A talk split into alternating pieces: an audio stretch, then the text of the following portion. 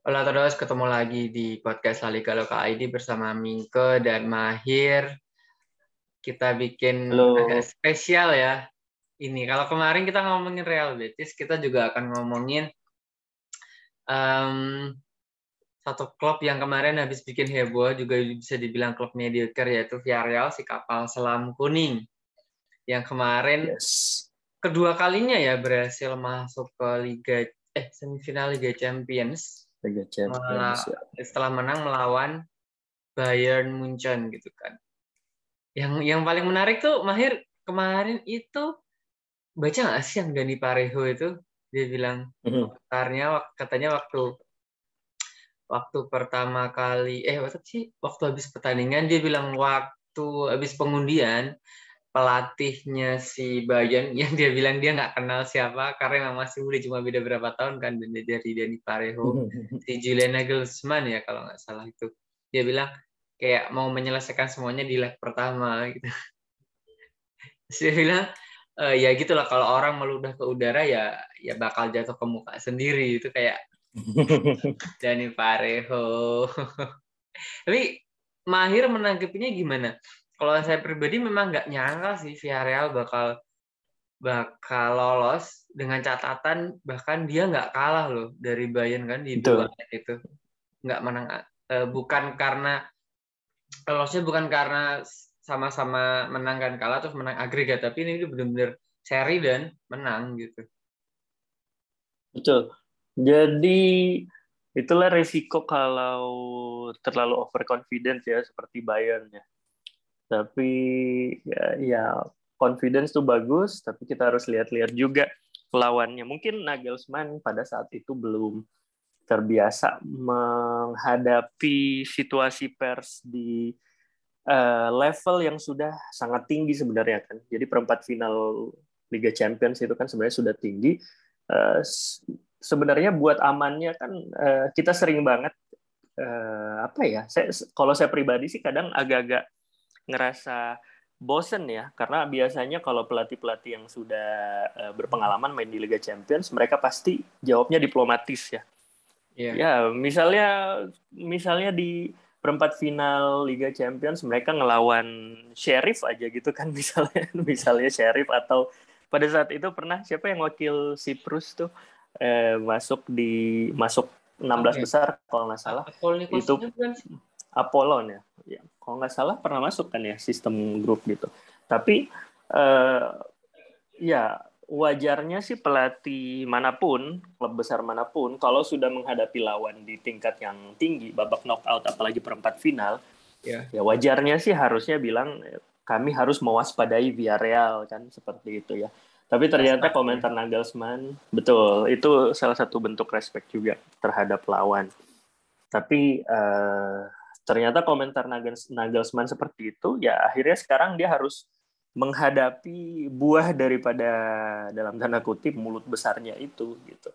Dan wajar kalau misalnya Villarreal pemain-pemain Villarreal eh, apa ya terbawa emosi mungkin ya. Karena yang pertama itu memang pertandingan yang berat ya. Siapa pun pasti takut sama Bayern. Apalagi kan Barcelona sendiri dihajar back to back sama 8-2. Bayern di sistem grup ya dan Villarreal menang itu nggak ada yang memprediksi sih. Saya yakin nggak ada yang memprediksi. Bahkan fans Villarreal pun pasti nggak memprediksi bahwa mereka bisa melewati Ya. Bayern dan menembus semifinal ya untuk kedua Dan kalinya.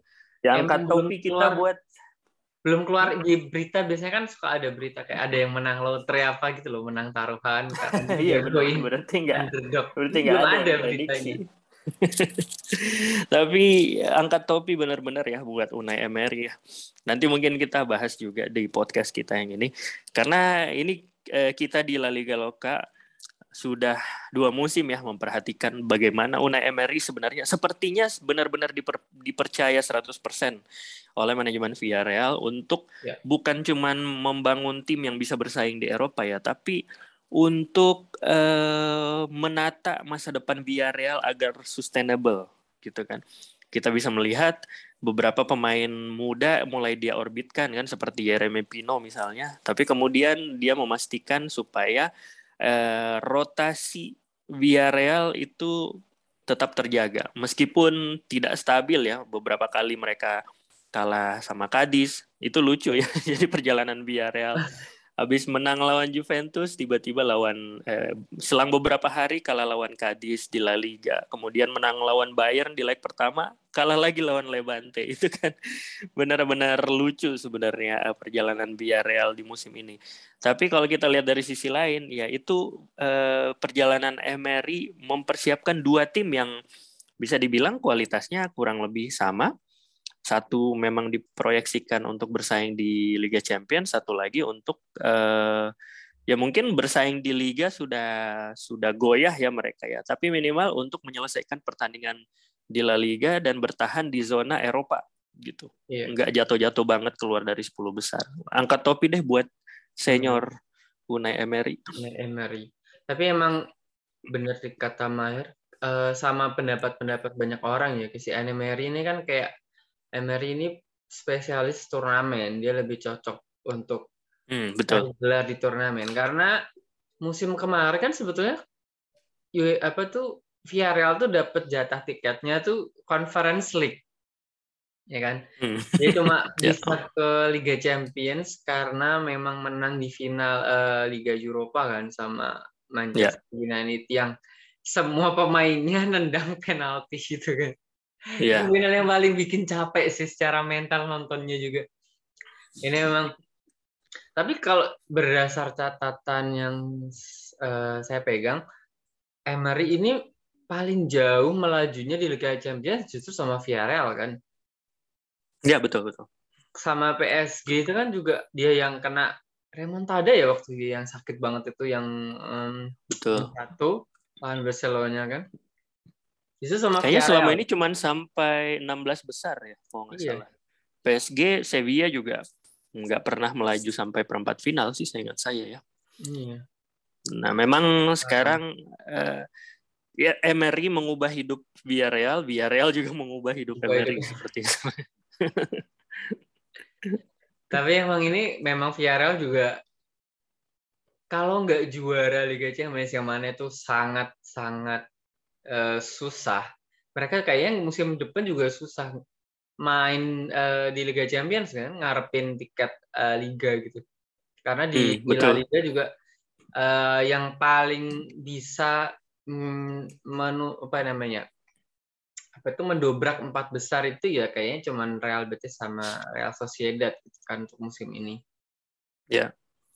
Tapi saya pikir Villarreal ini bukan ini ya, mereka overachiever ya saya pikir terbesar lah di Eropa di masa modern ini ya. Karena kita sudah sering ngebahas Villarreal itu cuma kota satelit ya di luar ya. kota Valencia sedikit.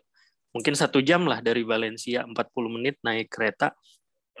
nah, eh, karena penduduknya sedikit, itu pun kayaknya nggak akan eh, cerita mereka nggak akan sedahsyat ini seandainya Fernando Roig ya presiden mereka dan keluarganya itu take care Villarreal sejak akhir 90-an ya. Karena tahun 98 tuh mereka baru pertama kali tampil di uh, kasta tertinggi ya. Dan uh, keluarga Roig sebenarnya sebelumnya kan tergabung di manajemen Valencia kan. Jadi saya pikir mereka belajar dari situ Cuman yang saya yang saya salutnya eh, mereka konsisten ya mengembangkan tim kecil ini.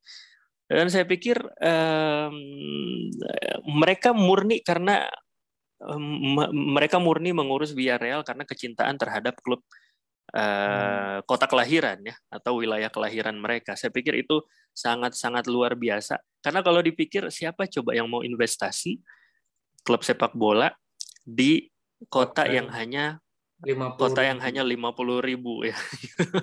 50 ribu. Investasinya itu bukan seperti Eibar yang uh, asal sustain aja gitu kan yeah. asal uh, terlepas dari krisis. Enggak enggak enggak enggak enggak berhenti sampai di situ mereka. Terlihat dari uh, awal awal tahun 2000-an mereka mendatangkan Diego Forlan kan yang pada hmm. saat itu uh, bisa dibilang sudah setengah kelas dunia lah gitu. Saya, jadi saya pikir ambisi Villarreal itu memang tidak berhenti sampai uh, mereka bisa bersaing secara nasional saja.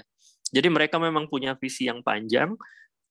Minimal kita bisa meramaikan Eropa lah gitu. Saya pikir juara mereka pun itu mimpi terliar mereka ya, tapi ternyata sudah juara di musim lalu, yeah. juara Europa League. Trofi Dan Eropa uh, sekarang Nah, betul. Bahkan trofi pertama ya kalau kita nggak hitung Intertoto itu trofi pertama buat mereka. Trofi nasional pun mereka belum pernah menang kan ya. Nah, eh, apa nih namanya? Jadi, tapi saya pikir kalaupun misalnya target mereka sekarang ini sudah, saya pikir mereka udah nggak mikirin target ya sekarang. Mereka sudah sampai di semifinal. Eh, saya pikir mereka sudah noting tulus aja, eh, step by step ya, paso a paso kalau menurut Diego Simeone ya. Jadi eh, semifinal mereka hadapi dulu. Kalau misalnya syukur-syukur masuk final, mereka juga pasti menjalani finalnya tuh nothing tulus. Saya yeah. pikir eh, seperti tahun lalu, para fans Villarreal kayaknya tidak berani bermimpi untuk um, membawa pulang trofi juara Liga Champions ya karena itu psikologis kan ya gitu. Kalau kita terlalu banyak berharap mungkin siap-siap kecewa. dan situasinya pun sekarang kan ini sudah bagus banget gitu. Dan uh, orang semua sudah seluruh dunia mata orang-orang seluruh dunia sudah tertuju ke Villarreal dan uh, kota kecil yang mampu berbicara banyak ini gitu. Iya, lima puluh ribu tuh saya bisa ngerti segimana kecilnya sih. Karena kemarin kan tinggal di satu kota kecil di Belanda Wageningen itu yang ya. empat puluh ribu gitu kan. Itu hmm, hmm. itu bener-bener kayak emang nggak ada apa-apa di kota itu. Gitu. ada klub bola. Malah dengar. Ada klub bola. Malah dengar-dengarnya kemarin. Malah dengar-dengarnya kemarin. Ya, Gimana? Malah dengar-dengar kemarin tuh di kota Villarreal cuman ada satu hotel bintang berbintang. bintang berapa tuh? Tiga, empat atau lima? Tiga atau empat dan itu pun katanya memang uh, untuk urusan sepak bola aja. Jadi iya. tamu-tamu tamu-tamu Villarreal FC mereka nginap di situ gitu. Saya pikir hotelnya juga dibangun hanya untuk mengakomodasi para tamu-tamu yang datang yeah. kali. Dan stadion mereka juga nggak gede-gede banget kan. La, la, la, Betul. Bacanya seramika atau keramika sih? Seramika. Seramika lah. Seramika itu kan cuma 23 ribuan gitu kan. Nggak hmm. ada apa-apanya sama katakanlah eh, benar sama matu angin berapa sih matu angin? Oh, enggak, matu angin cuma 15 ribu kayak. Atau itu 30 ribu tuh se apa ya? GBLA kali ya. 3 ribu tuh ya mungkin segitu um, nggak ada apa-apanya dibanding kayak misalnya JIS gitu kan yang baru atau apalagi. Ya. GBK GBK tuh gede banget kan. Nah, itu bayangin aja stadionnya cuma seberapa gitu. Oh ya, tapi saya pernah nge, ini sih datang ke stadion yang 25 ribu tuh di di Utrecht itu. Itu memang hmm. kecil hmm. sih rasanya sih kalau dibandingin hmm saya pernah nonton di misalnya uh, Jati Diri di Maguwoharjo itu memang ini kecil sih kok stadion cuma segini gitu loh itu ya hmm. jadi bisa, bisa uh, teman-teman yang di Semarang di, atau oh enggak waktu itu saya nonton sama teman dari Kediri di Brawijaya nah teman saya katanya atmosfernya di stadion yang ukuran segitu tuh dibandingin Brawijaya tuh lebih lebih ini Brawijaya jadi kebayang atmosfer La Ceramika itu sebenarnya nggak ada apa-apanya dibanding ramenya kayak stadion-stadion Indonesia hmm. yang tadi saya sebut. Iya. Dan benar kata Mahir tadi ini ini Villarreal tuh kalau orang nggak dengar itu wajar karena baru main di Primera di La Liga itu kan tahun 98. 98 betul. 98 waktu itu orang fokusnya eh, Piala Dunia gitu kan. Nama-nama besar Ronaldo gitu kan uh, klub-klub yang dikenal tuh pasti kayak Inter. Uh, itu kan musim Serie A ya. Tahun segituan kan Serie A gitu kan. Inter, Milan ataupun uh, geser dikit PSV, Ajax. Kalau La Liga ya mah pas, pasti taunya kan uh, Real Madrid, Barcelona. Sedikit mungkin yang waktu itu tuh uh, sekitar itu Deportivo ya, La, La Coruña yang bikin heboh. Ya, betul. Valencia, Valencia gitu tahun segitu. Jadi di komunitas komunitas ya di komunitas Valencia ya, kan gitu. komunitas Valencia ya betul wajar kalau orang cuma tahu Valencia itu kan sementara Villarreal tuh ya. enggak siapa iki bahkan dulu berarti uh, levelnya Villarreal itu di bawah Levante bahkan selevel nah, LC mungkin ya Tapi kemarin mereka kalah dari Levante itu emang kayak apa sih? Iya. ya ampun, ya ampun. Oh ya ini ada catatan lagi. Jadi laga pertama Villarreal itu waktu dia uh, main di La Liga itu mereka kalah 1-4 dari Real Madrid. Padahal mereka ngegolin duluan, gol cepat menit menit 3 gitu kan. Nah, eh, musim 99 2000 mereka langsung degra, eh, degradasi gitu kan. Kalau nggak salah itu musimnya Atletico juga degradasi sih sama Sevilla. itu musim yang aneh karena top skor liga itu eh, Jimmy Floyd Hasselbank kan. Ya. Nah, tapi klubnya tuh degradasi kayak degradasi. Kapan lagi ada PCC dari klub yang degradasi itu kayak nggak nggak nggak masuk akal. Nah tapi Villarreal waktu itu langsung ini apa tuh namanya promosi karena mereka peringkat tiga gitu kan. Kalau nggak salah peringkat satu itu Atleti ya atau Sevilla sih. Pokoknya tiga itulah. Mereka degradasi itu langsung langsung naik lagi. Nah, um, capaian terbesar pertama mereka itu tuh um, musim 2003-2004 gitu kan, waktu mereka debut di uh, Liga Eropa, tapi kalah, kalahnya di semifinal. Jadi debut hmm. langsung kalah di semifinal sama Valencia gitu kan. Dan kalau saya nggak salah merhatiin, mereka waktu itu benar-benar bikin um, cukup geger itu memang waktu 2005-2006 ya kalau nggak salah ya yang mereka ya, final Liga Champions tapi kalah sama Arsenal kalau nggak salah. Arsenal. Padahal kalau mereka menang itu kan all all Spanish. All kan? Spanish final, ya betul. Barcelona kan. Betul. Barcelona kan waktu itu ya. Nah, peluangnya gimana, Mahir? Apakah bisa uh, ke final kali ini? Mereka melawan Liverpool, hmm. Liverpool lagi mengejar quadruple dan mereka ada pengalaman juga kan kalah dari semifinal lawan Liverpool di Liga Eropa 2016 2017 15 16 ya. Eh 2015 16 ya. 15 16 yang uh, Sevilla juara terakhir kan. Iya. Terakhir kalinya Sevilla juara. Ya, itu benar. seandainya pun uh, padahal sebenarnya kalau nggak salah itu Villarreal udah menang ya di leg pertama ya Eh, satu kosong kalau nggak salah itu berapa ya? Iya. Yeah. Itu ya satu kosong tapi tandang ke Liverpool dibantai tiga kosong. Eh bentar, Sa ternyata ada catatan menarik loh kalau tadi perhatiin. Tiap kali Sevilla masuk, eh sorry, Villarreal masuk semifinal, ada klub Spanyol lain juga. Iya benar. Semifinal kan? Kalau sekarang benar, kan benar. ada Real Madrid. Jadi selalu Real ada peluang all Spanish final kalau Villarreal ada di semifinal. Iya. Jadi memang eh, terlihat ya bahwa ini terbayar semuanya lah. Investasi bukan hanya uang tapi saya pikir passion eh, tenaga dan semuanya ya. Dari keluarga Roik ini sudah terbayar. Karena Villarreal selain memang orang-orang melihat pasti prestasi mereka di Eropa. Tapi sebenarnya kan yang kita fans La Liga paling lihat itu adalah Villarreal ini mengubah tatanan ya kalau boleh dibilang ada Magnificent Seven di La Liga kan ya. Yeah. Mereka pelan-pelan mulai masuk dan stabil di situ gitu.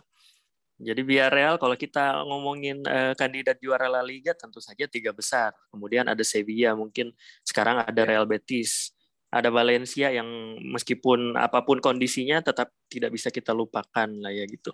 Dan tapi kita pasti tidak akan lupa memasukkan nama Villarreal untuk minimal mengacaukan tatanan papan atas gitu. Dan mereka tuh konsisten tiap musim. Eh, saya pikir mereka juga sudah dapat kuncinya ya. Yang penting mereka mendapatkan pelatih yang bisa meramu.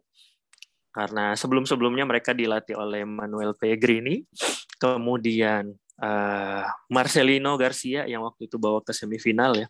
Yeah semifinal Europa League 2016 maksudnya.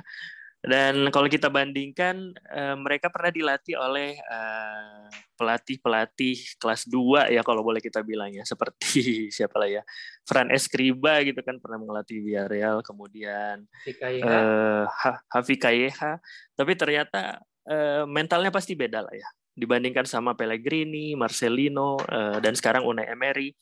Terlihat selama dilatih Hafi Kayeha tuh ya mereka paling mentok apa ya? Pokoknya gagal melangkah ke stage-stage penting di kompetisi Eropa gitu kan. Hmm. Meskipun di liga bisa masuk posisi 6, posisi 5, tapi untuk berbicara di Eropa tuh yeah. mereka uh, tidak bisa banyak gitu kan.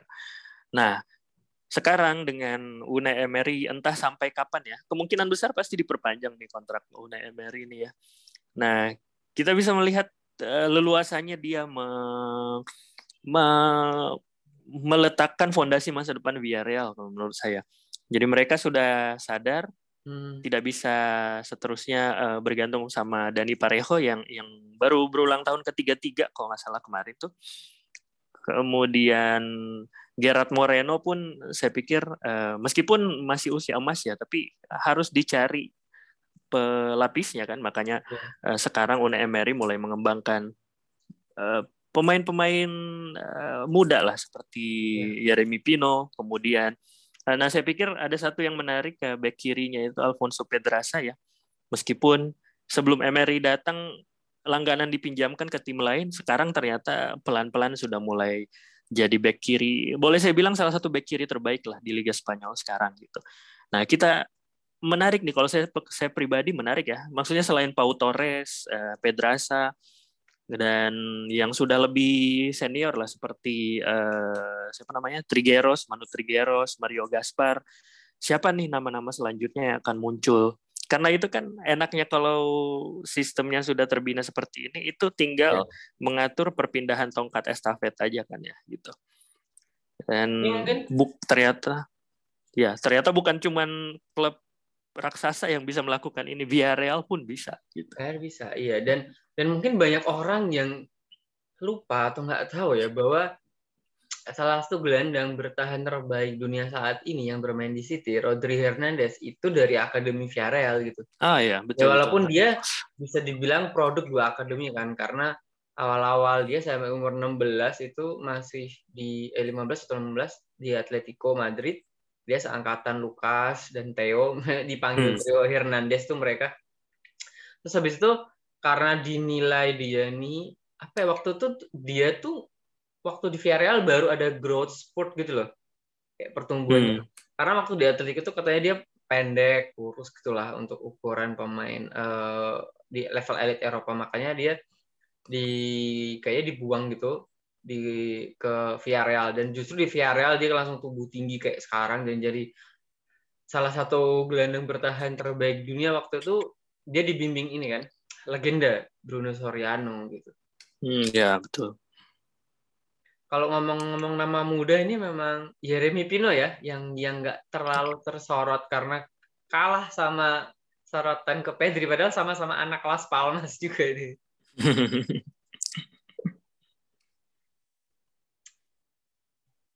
Pau Torres, ya, Pau Torres juga dari akademi. Pau Torres.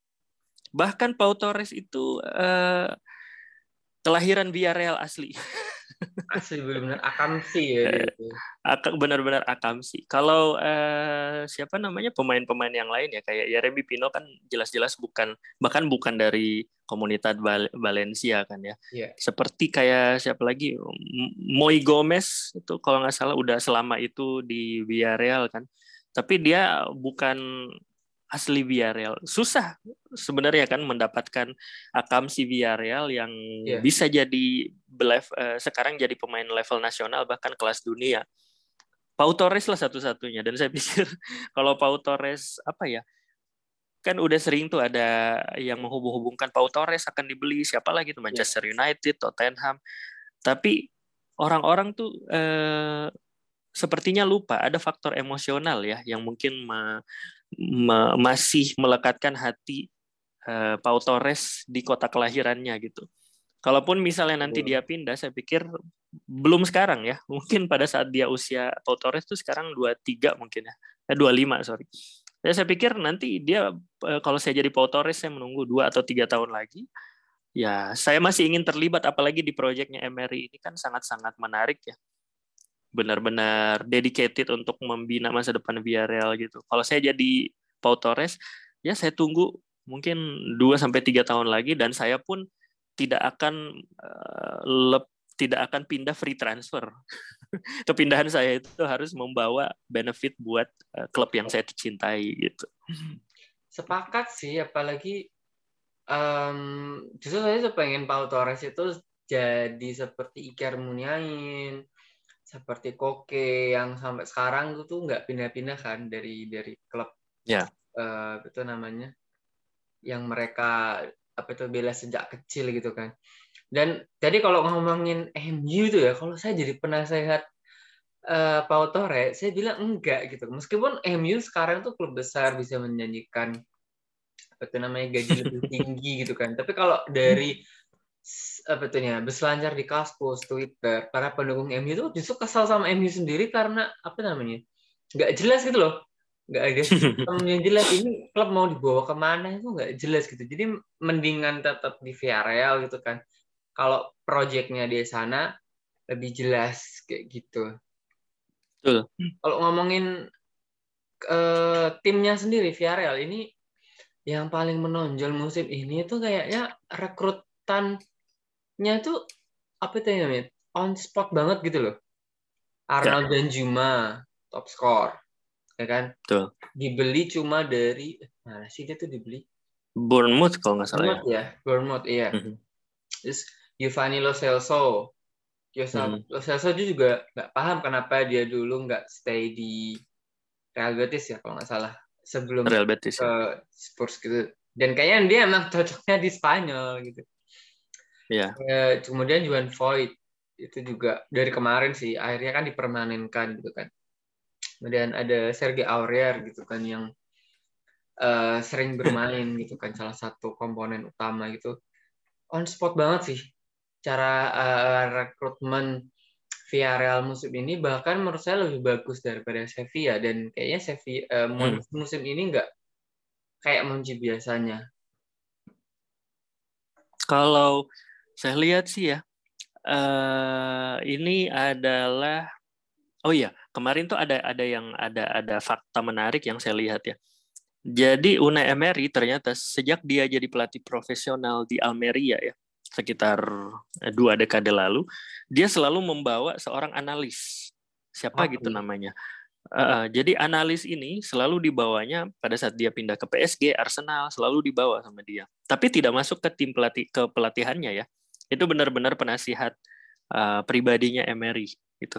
Dan kalau yang saya lihat sekarang rekrutmen-rekrutmen terutama musim ini yang dilakukan oleh Villarreal itu hasil dari dia berkarir di Inggris ya, kalau boleh saya bilang ya. Karena kalau kita lihat sebenarnya tanpa melihat si pemain-pemainnya main, uh, kita tuh sebenarnya kalau tidak melihat pemainnya main dulu ya dan ternyata tampil bagus, kita pasti bertanya-tanya Arnold dan Juma siapa sih? Iya, kemarin juga apa spesial? Apa ini? Kemudian yang saya yang saya uh, sempat terus terang sempat ngetawain Emery ya pada saat merekrut Etienne Capoue. Maksudnya, yeah. aduh, itu usianya udah di atas 30 tahun gitu kan. Ngapain ya?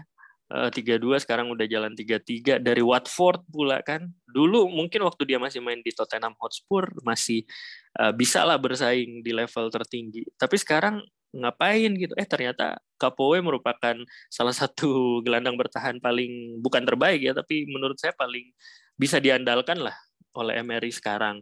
Kemudian satu lagi itu Sergio Aurier. Maksudnya ini kan pemain bahasa anak sekarang problematik ya sebenarnya banyak masalah sebenarnya si Sergei Aurier ini tapi kalau nggak salah dia direkrut waktu itu kan dia udah putus kontrak dari Tottenham Hotspur. Hmm. Maksudnya uh, Aurier ini diambil Emery apakah mumpung karena gratis atau gimana pada saat itu saya mikirnya begitu ya. Tapi ternyata masih terpakai banget Aurier meskipun tidak selamanya jadi pilihan utama, tapi Aurier itu sekarang kan dia lebih sering bermain sebagai back tengah ya. Dan kalau dilihat waktu uh, line up-nya Villarreal melawan Atletik yang waktu itu kita sempat berkomentar di Twitter, wah ini benar-benar 11 pemain yang benar-benar berbeda beda, dengan yang iya. diturunkan di Liga Champions. Nah, di situlah terlihat perannya Aurier, kemudian Aisa Mandi yang direkrut dari Real Betis kan ternyata mereka itu menjadi uh, pelapis tapi apa ya mungkin pelapis uh, yang yang istilahnya mungkin peranannya sedikit lebih penting daripada sekadar pelapis lah. Gitu. Jadi di laga-laga penting sekarang kan sudah masuk masa-masa krusial. Uh, mereka menyeimbangkan tim aja. Jadi daripada Pau Torres, Raul Albiol, terutama Albiol yang sudah berumur ya, 30, daripada iya. Tiga enam tiga tujuh malah sekarang itu kalau nggak salah Albiol. Daripada Albiol, Pau Torres dan kawan-kawan itu stamina-nya terkuras, Emery mengistirahatkan mereka, kemudian Emery menurunkan ya macam-macam Sergio Aurier, kemudian uh, Aisa Mandi dan Kapowe termasuk Kapowe ya. Itu semuanya diturunkan di La Liga dan ternyata tuh hasilnya belum ini ya. ya meskipun sempat ada beberapa kali kalah lawan Cadiz, lawan Levante gitu. Tapi minimal sekarang mereka masih bisa ada di eh, perbatasan papan tengah dan atas gitu. Ya walaupun kayaknya memang susah sekali untuk bisa masuk ke Liga Champions dari jalur La Liga gitu kan. Tapi memang kedalaman squad itu cukup ini ya penting buat rotasi buat mengistirahatkan gitu. Kalau ngomongin Albiol sendiri kayak kok nih orang masih jago Lewandowski di kantong ya, luar biasa sih. Dan dia man of the match kan ya waktu pertandingan kedua ya. itu luar biasa sih Raul Albiol. Saya sendiri sempat merasa bahwa ah, mungkin dia pengen pulang kampung aja lah ya. Iya, pengen pulang kampung, capek berkarir di Italia. Ternyata dia masih bahkan lebih baik lah mungkin dari Albiol yang pernah kita lihat di Valencia, Real Madrid dulu kan. Wah luar biasa. Dan Dani Parejo, Dani kayak kalau dibilang salah satu gelandang paling underrated, overlook ya. Dani Parejo selain selain ini ya eh, pendahulunya di Villarreal itu Bruno Soriano gitu. Betul. Dan saya pikir yang paling kita nggak bisa uh, lepaskan peranannya dari Villarreal saat ini adalah uh, Gerard Moreno ya tentu saja. Terlihat banget pada saat Moreno main dan tidak bermain itu uh, lini ya lini depannya benar-benar clueless kalau Gerard Moreno tidak bermain. Tapi Gerard Moreno kalau dia bermain, dia tipikal pemain yang apa ya? Mungkin agak berlebihan kalau kita menyamakan dia seperti Messi atau Cristiano ya. Tapi menurut saya peranannya itu sama. Dia itu seorang game changer ya. Dia dia tahu kapan harus syuting langsung, kapan harus ngumpan ke teman yang berbuah gol juga gitu kan. Saya pikir kalau Dani Parejo tidak bermain, berkurang eh, ketajaman Villarreal itu berkurang drastis di lini depan. Um, tapi sayangnya ada kabar gitu kan kata kemarin kan si Gerard Moreno itu kan cedera gitu kan, tapi belum ketahuan seberapa parah gitu. Yeah. Nah ini kalau dia sampai nggak bisa main di semifinal, kerugian yang sangat besar Betul. karena yang gantiin eh, siapa gitu. Antara kalau saya melihat sih paling ya paling mungkin itu ya antara uh, Samu Chukwueze atau Yeremi Pino. Tapi Yeremi Pino juga kan masih sangat muda, habis 19 tahun gitu. Walaupun uh, musim ini Walaupun Musim ini kalau nggak salah ada yang striker baru itu Bulaye dia, itu, tapi belum teruji ya. Iya, iya makanya. belum teruji. Mending kalau misalnya judi antara Chukwueze juga yang yang yang nggak konsisten juga dia atau Yeremi Pino ya siapa tahu jadi uh, mentalnya bisa sehe, sehebat Pedri gitu kan jadi pembeda hmm. di pertandingan-pertandingan besar. Hmm. Masih ada Paco Alcacer Cuman sekarang agak terlupakan ya Alcacer ini ya. Sampai lupa loh kalau tadi nggak nyebutnya sampai lupa kok oh masih ada Paco Alcacer. Karena yang sering sekarang muncul ya Anak dan Juma yang pak selebrasinya kayak tukul gitu. Ya. uh, dia muslim ya kalau nggak salah. Berarti dia lagi puasa. Ya. Ya, itulah yang uh, menarik ya karena Arnaud dan Juma ini ternyata sudah di Liga Champions ternyata sudah menjadi pencetak gol terbanyak BRL di Liga Champions. Saya juga tadinya berpikir apa nggak salah nih statistiknya. Dulu kan ada Diego Forlan, Giuseppe yeah. Rossi, Nihat Katveci, bahkan Gerard Moreno pun. Oh ternyata pas saya ingat lagi, oh iya BRL baru empat musim bermain di Liga Champions. Ini musim keempat mereka ya gitu. Dan ternyata memang uh, konsis konsisten banget lah Arnold dan Juma mencetak gol musim ini. Dan kalau kita pikir memang lebih dia lebih banyak diturunkan di Liga Champions daripada di La Liga. hmm. Jadi wajar sekarang dia merupakan uh, pencetak gol terbanyak Villarreal di Liga Champions. Maher sendiri udah pernah ke Villarreal nggak? Oh belum, sayangnya belum ya. Itu salah satu yang saya sesalkan. Karena dulu waktu tinggal di Spanyol saya pikir ah dekat, maksudnya dekat dari Valencia. Dan karena uh, masalahnya gini, kalau misalnya saya uh, main ke uh, Bilbao gitu misalnya kan, itu kan effort harus ke kota Bilbao. Oke, bisa berkunjung ke stadionnya, tapi setelah itu kan pengen lihat macam-macam lagi kan lokasi turistik yang lain kayak ada museum apa namanya itu museum yang yang yang yang muncul di Da Vinci Code itulah pokoknya ya gitu. Nah tapi kalau ke Villarreal selain stadion mau lihat apa lagi kan? Gak ada ya. makanya makanya waktu saya di Spanyol saya pikir ah nanti aja eh ternyata keburu pandemi dan saya belum berkunjung ke Villarreal. Tapi pengalaman saya nonton langsung Villarreal justru terjadi waktu saya nonton Atletik di San Mames ya di Bilbao waktu itu dan itu momen ikonik banget karena Villarreal menang 3-0 dan pada saat itu uh, ada atraksi itu tuh uh, siapa namanya yang main di West Ham sekarang? Hmm, aduh lupa namanya. Fornals. Aduh, lupa juga. Pablo ah, Pablo Fornals. Nah, itu benar-benar uh, laga ini benar-benar teringat dan viral lah ya karena Pablo Fornals pada saat itu melakukan suatu gol yang spektakuler ya. Kalau nggak salah waktu itu dia uh, ada dribbling dengan kaki belakang gitu untuk melewati pemain-pemain atletik. Adalah itu viral banget lah di sampai sekarang pun ya. Itu musim ya. 2017 18 atau 18 19 kalau nggak salah ya. Dan itu yang menaikkan nama Pablo Fornal sampai sekarang.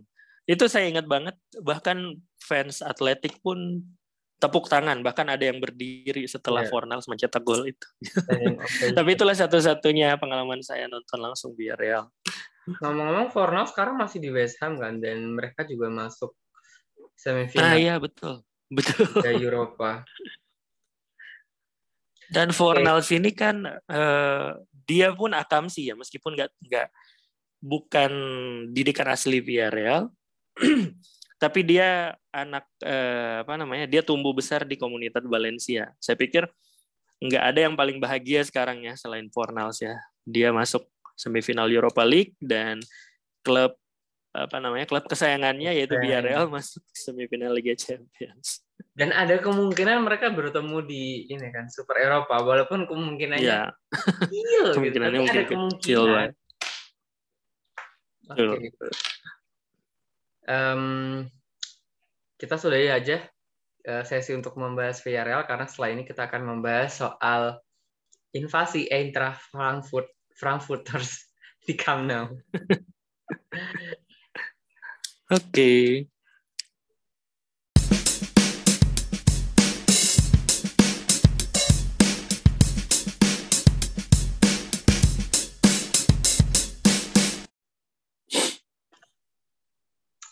Ratodos ketemu lagi di Liga podcast Liga Loka ID. Sekarang kita udah ada di sesi kedua. Setelah dari di sesi pertama membahas soal Villarreal, sekarang kita juga akan membahas um, kejadian yang bikin heboh di Barcelona yaitu bukan cuma soal kalahnya uh, kalah 3-2 ya.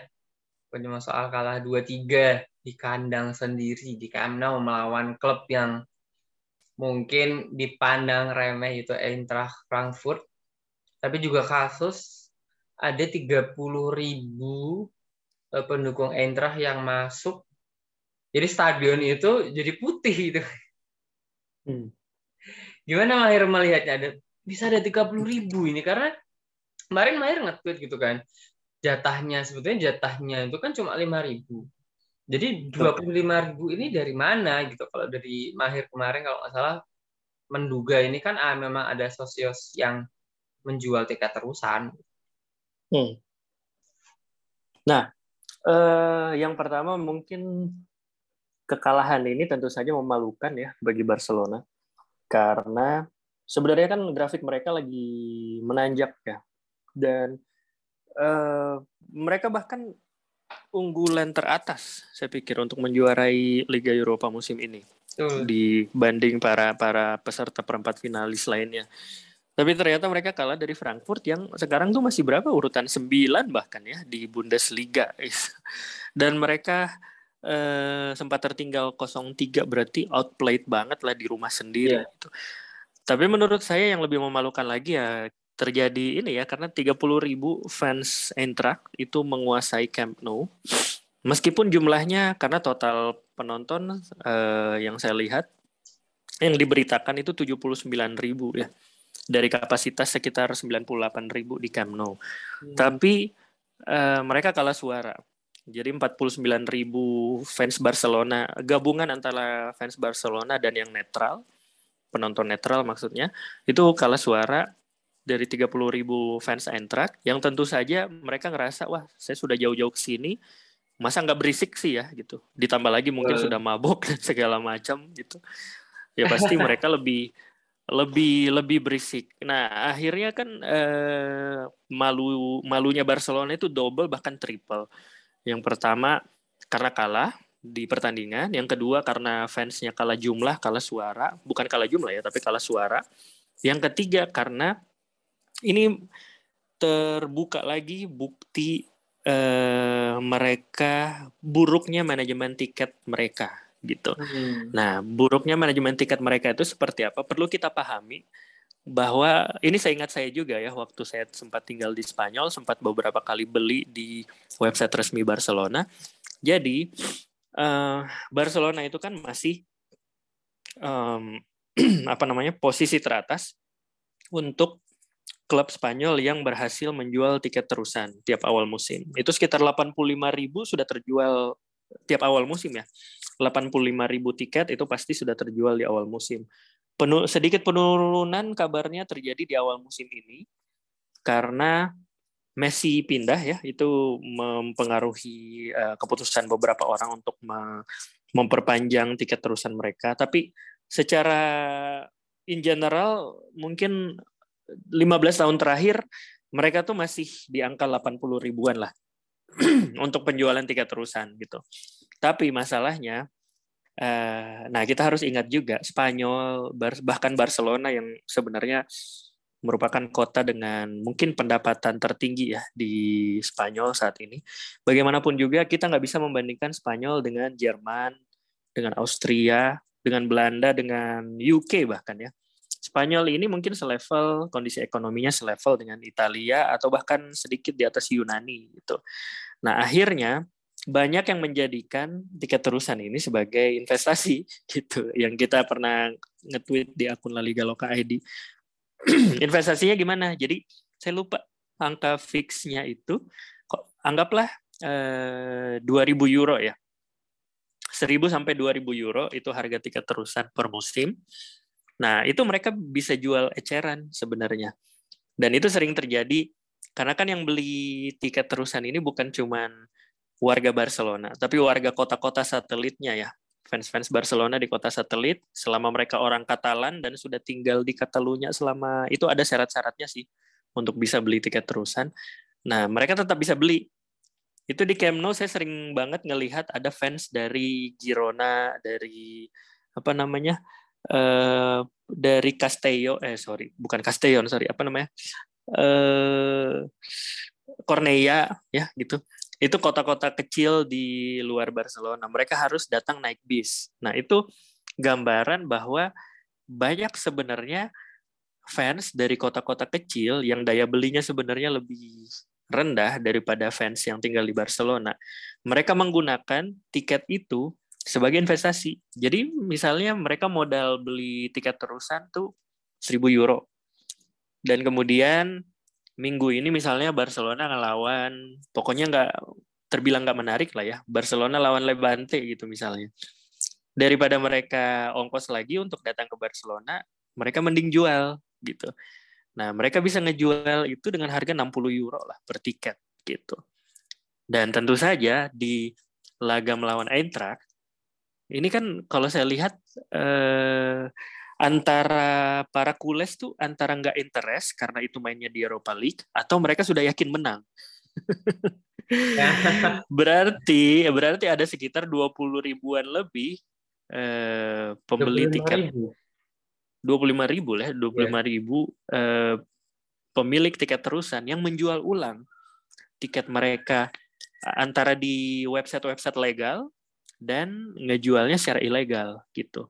Hmm. Nah, apa pun itu caranya, yang jelas kita sudah melihat eh, yang terjadi adalah betul-betul mereka diinvasi oleh para fans Eintracht. Iya. Tapi saya bisa relate tadi kena waktu uh, Mahir bilang soal kemampuan ekonomi gitu kan orang Frankfurt itu salah satu kota terbesar kalau nggak salah terkaya juga oh. di Jerman karena di sana ada bandara bandara utamanya kalau nggak salah di Frankfurt yeah. Hmm. di, di betul, Jerman betul. Kan.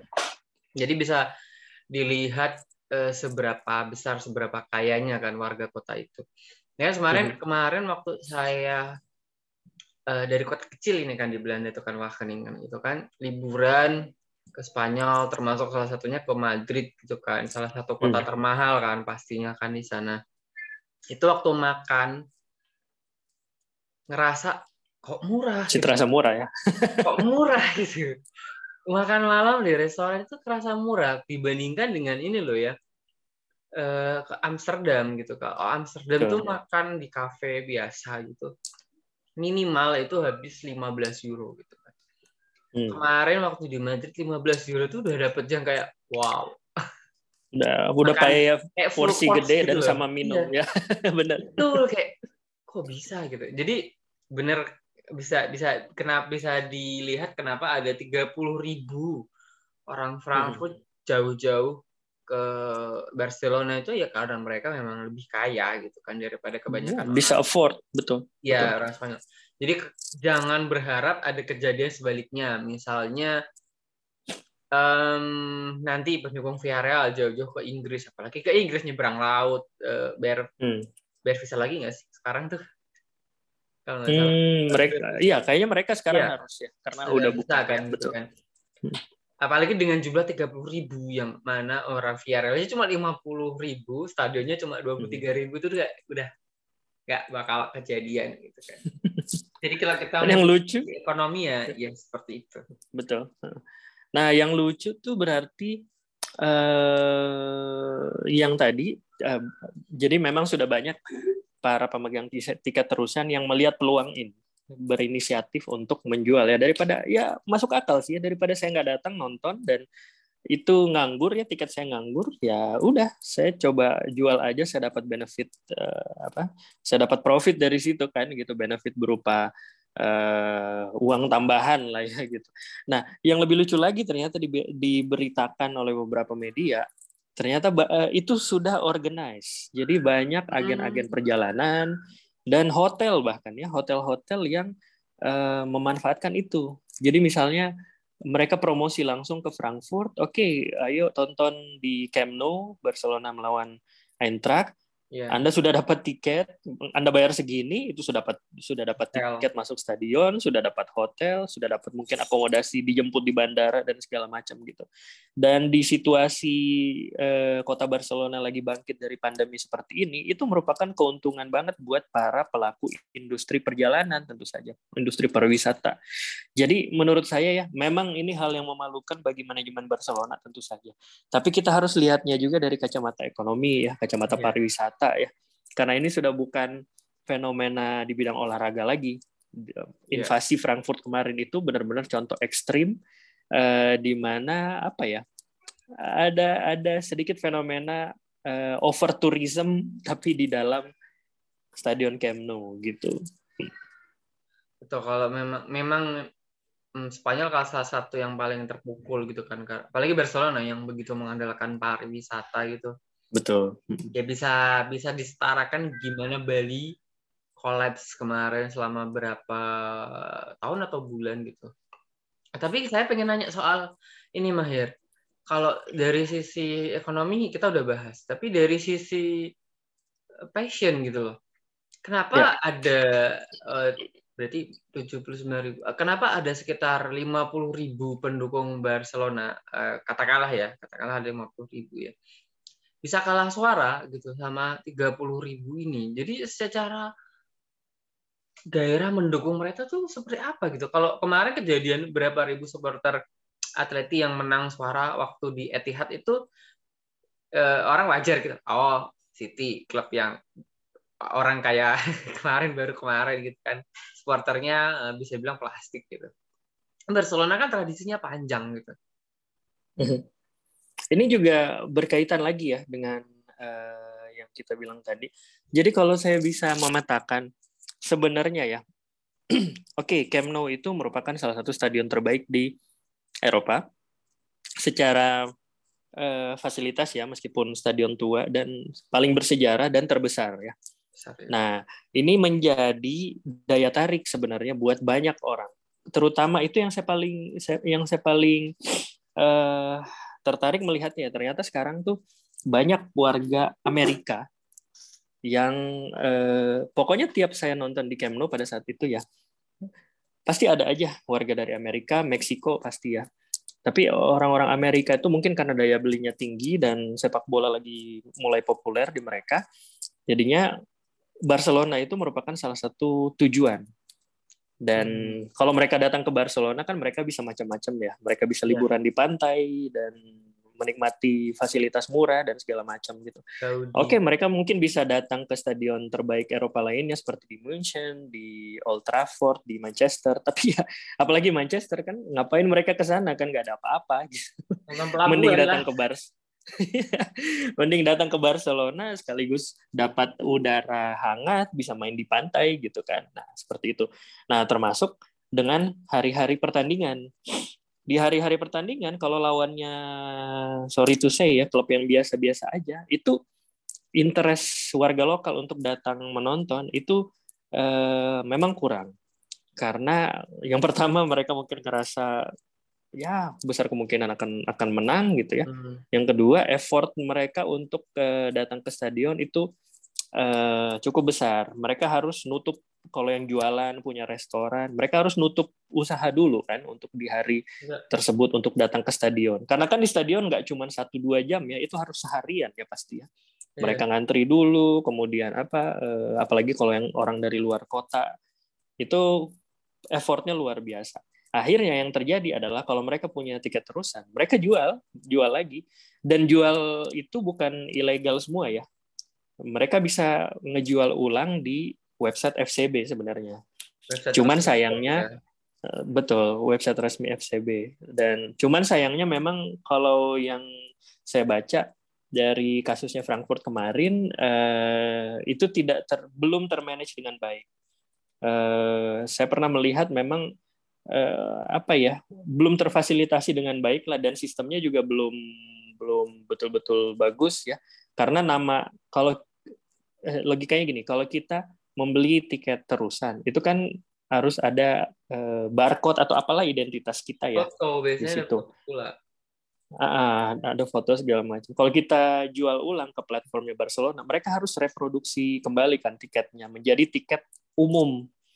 Nah, effort di tengah-tengahnya itu mungkin yang membuat prosesnya lambat gitu. Akhirnya sistem ini nggak terlalu populer di mata para Eh, pemilik tiket terusan. Mending mereka jual langsung. Gitu. Yeah. Jadi banyak juga yang berupa calo eh, berdiri menunggu di depan Camp Nou itu banyak juga yang seperti itu. Atau yeah. mereka jual lewat lewat toko-toko souvenir ya atau lewat hotel, lewat agen perjalanan seperti yang kita bahas tadi gitu.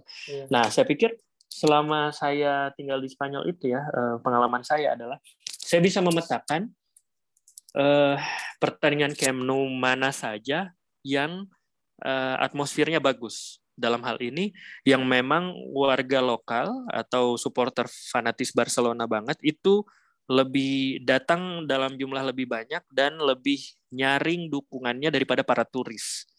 Itu yang pasti lawan Real Madrid ya El Clasico pasti lawan Atleti lawan Espanyol juga tapi meskipun nggak sedahsyat pasti atmosfernya ya kalau lawan Atleti atau Real Madrid dan uh, kalau mereka tampil di Liga Champions tapi fase fase gugur ke atas. Jadi 16 besar, kemudian perempat final, apalagi semifinal gitu. Itu pasti mereka akan datang dan opsinya kan mereka datang nonton langsung atau jual dengan harga yang lebih mahal gitu kan dengan harga yang ber, berpuluh-puluh kali lipat tapi saya pikir kalau kalau dia betul-betul kules yang fanatik ya Uh, mereka pasti nggak pengen kehilangan momen ya, yeah. momen El Clasico, momen perempat final, semifinal Liga Champions.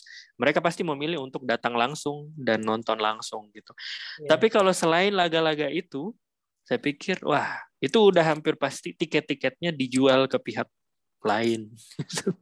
Eh, saya juga mempertanyakan, maksudnya oke okay lah, maksudnya para pemilik tiket yang mendukung Barcelona itu segimana mereka mendukungnya itu karena kemarin di, di Twitter kan juga ada cuplikan video kan yang uh, pendukung Eintracht itu menahan para pendukung Barcelona yang mau pulang duluan waktu skor yeah, yeah, yeah. 3-1 atau 3-0 kayak gitu kan. Lah yeah. kok kok maksudnya saya membandingkan dengan Atletik kemarin kan yang Hmm. Uh, setelah 10 menit 10 menit setelah peluit panjang itu mereka masih bernyanyi apa-apa. Jadi sehingga para pemain tuh keluar memberi apa itu namanya apresiasi itu kayak 10 menit itu cukup lama gitu kan. Karena biasanya uh, kalau udah ketahuan uh, nggak bisa apa gitu dalam lima menit sebelum peluit panjang udah berkeluar gitu kan gitu kan. Dan apalagi kalau dengar cerita Mahir soal pendukung uh, para Betikos kan ya masih ramai gitu walaupun klubnya di Segunda gitu kan. Ada apa ini dengan para kules kita? Uh, tapi kita mungkin perlu ngelihat juga ya. Makanya kemarin ada sempat ada tuntutan uh, agak-agak ekstrim sih ya. Ayo kembalikan Boeck Sosnoas ke stadion ya, ya Ultras Barcelona yang itu uh, Ultras Barcelona yang melempar kepala babi ke Luis Figo oh. tahun 2000-an itu. Makanya setelah itu mereka betul-betul di ban ya, nggak boleh masuk stadion lagi gitu. Nah, tapi memang problematik sih si Boxios Noas ini selain mereka sering apa ya melakukan tindakan-tindakan yang over anarkis atau bahkan vandalisme. Uh, mereka pun uh, apa namanya idealismenya agak ke uh, neonazi ya itu makanya sejak zamannya Joan Laporta kalau nggak salah itu mereka sudah dilarang untuk datang ke stadion. Hmm. Tapi di sisi lain memang dukungannya mereka tuh yang paling heboh lah untuk mendukung Barcelona sebenarnya. Tuh. Dan uh, kemarin waktu kasusnya Frankfurt ini banyak fans Barcelona terlihat warawiri di media sosial. Mereka pengen kalau gitu kita kembalikan aja Boxes Noas kembali ke stadion gitu. Oh. Nah, tapi saya pikir uh, problematik. Apa ya? Ya, kalau kalau kita, tapi kalau Boexos Noas itu sudah hampir 20 tahun ya, nggak boleh masuk ke stadion. Tapi kalau kita lihat lagi selain Boexos Noas itu di tribun sebelah kiri itu berarti Ultras North-nya ya. Dia tribun North-nya si eh, hmm. si eh tribun sud sorry sorry tribun sud berarti kan belakang gawang, tribun sudnya belakang gawangnya Barcelona itu itu kemarin di laga melawan Frankfurt itu juga sepi ya gitu ini saya lagi nyari-nyari apakah ada isu yang mereka sedang protes ya. Karena itu eh, saya pernah nonton di situ sih itu merupakan sek sektor terbaik lah gitu. Karena itu merupakan ultras atau minimal kalau bukan ultras itu grup-grup fans yang hmm. memang terorganisir, mereka bisa bawa apa namanya? bawa gendang ya, kemudian bawa bendera gitu. Itu yang mereka sudah uh, dapat deal dengan pihak klub untuk yeah. melakukan koreografi spesial gitu. Kalau di tribun lain kan nggak boleh bawa gendang uh, apa namanya tuh trompet-trompet gitu okay. kan nggak boleh. Tapi khusus di tribun uh, belakang gawang itu Cara mereka boleh. Nah itu ya itu pun kemarin terlihat kosong ya gitu. Itu apakah ada isunya itu yang belum saya lihat. Mungkin teman-teman kulis yang lain bisa lihat. Uh, sambil nyari kalau nggak salah itu kemarin kalau saya baca tuh protes karena itu karena banyak pendukung Frankfurt kok bisa masuk gitu. Bisa jadi ya, mereka sudah ada di dalam terus tiba-tiba iya. ya bisa jadi. Jadi mereka protesnya Betul. salah satunya itu sih kalau nggak salah. Hmm, hmm, hmm. Tapi memang jadinya memang itu ya, memang kecolongan lah Barcelona ini. Uh, kita hampir setahun terakhir sudah mendengar mismanagement Barcelona dari sisi keuangan. Nah, sekarang terekspos juga mismanagement mereka dari sisi tiketing pastinya. Hmm. Nah, itu baru saya baca juga kemarin atau dua hari yang lalu mm, akan diberlakukan sistem baru kabarnya ya. Juan Laporta sudah menginstruksikan ke bagian tiketing katanya sih untuk tiket terusan akan diperketat gitu. Dan yeah. untuk penjualan ulang eh, nggak bisa sembarangan lah. Hmm, tetap bisa Kalau misalnya nanti lebih ketat ya. Ya, lebih ketat gitu. Karena dengan seperti ini kan eh, tiga puluh ribu lah ya orang beli dari pihak eksternal. Profitnya nggak masuk ke klub, mereka juga yang rugi gitu. Mm -mm. Mereka juga yang uh, rugi pastinya.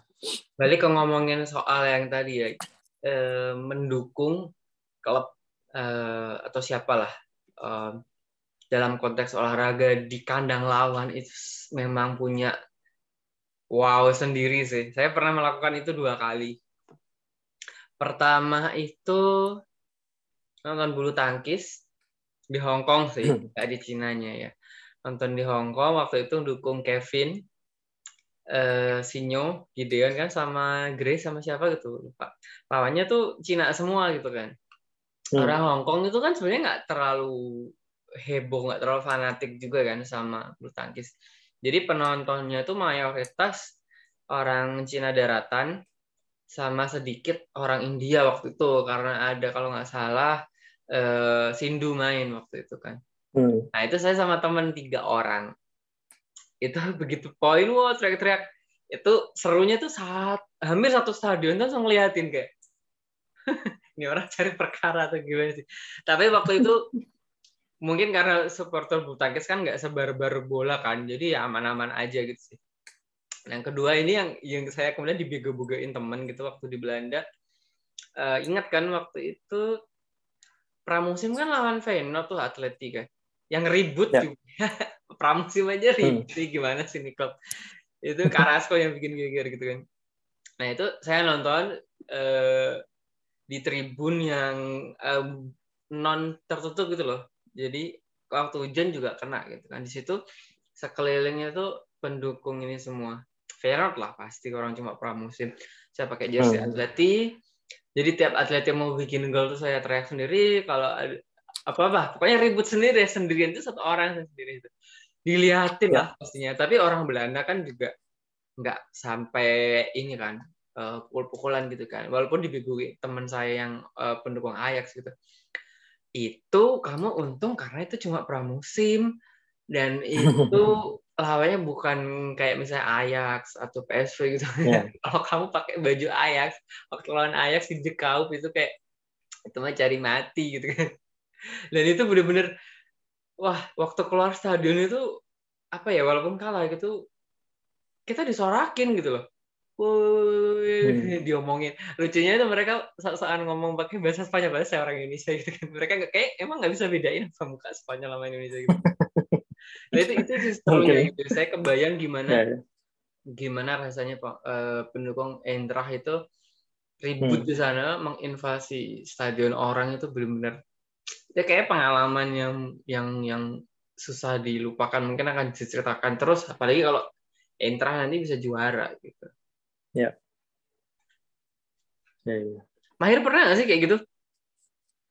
Um, waktu itu sih cuma apa ya ke kandang Espanyol sih tapi ya waktu itu pakai pakai jersey PSM Makassar sebenarnya. Cuman karena oh. warna merah kan dikira dikira pendukung Sevilla waktu itu Espanyol lawan Sevilla bahkan dikata-katain puta Sevilla puta Sevilla tapi nah. uh, apa ya pendukung yang Spanyol kan sebenarnya nggak ini ya nggak ya harmless lah gitu selama itu bukan ultrasnya saya pikir nggak ada nggak hmm. perlu ditakuti lah gitu seperti itu sih tapi kalau apa ya misalnya kayak saya salut misalnya kayak teman-teman pendukung timnas Garuda gitu yang beneran ngedukung langsung di Bukit Jalil di Malaysia gitu kan. Wede itu juga sih sekali-sekali seperti itu.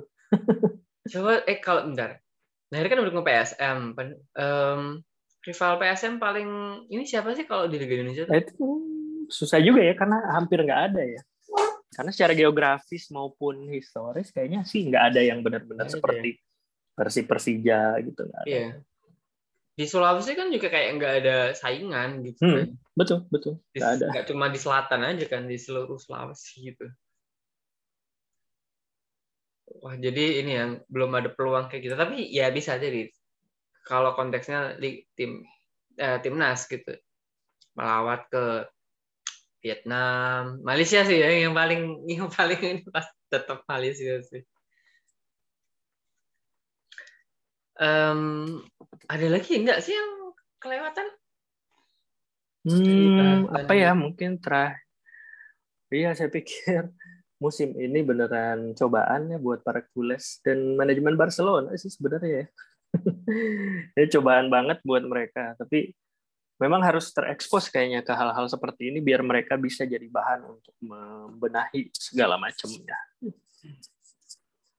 Apalagi kan malu ya, maksudnya mulai musim depan sudah mulai menggunakan eh, nama Spotify Camp Nou kalau nggak salah ya eh musim depan kan ya. Nah, saya pikir bukan cuma ya pokoknya semua re, harus restrukturisasi ulang dari awal iya. dari atas ke bawah ya. Barcelona ini. Oke, sebagai penutup nanti um, mari kita berharap semoga di Liga Champions terjadi all Spanish final antara Villarreal dengan Real Madrid walaupun kemungkinannya kecil lebih ke Villarreal-nya tentu saja. Karena kayak Real Madrid itu yang punya Liga Champions gitu kan. Kemudian di Liga Eropa, um, mari kita berharap uh, ada All German Final. Jadi nanti kita bisa ini ya, janjian sama Sveltak. Udah pasti akan ada Super Eropa gitu kan antara tim Spanyol dengan Jerman. Jadi nanti kita bisa uh, rekaman bareng lagi untuk yang kedua atau tiga kalinya kalau nggak salah. Oke, sekian. Uh, episode kali ini. Terima kasih sudah menemani Mingka dan Mahir. Sampai ketemu di episode selanjutnya. Ciao. Adios. Kok jauh ya? Malah jadi Italia. Adios.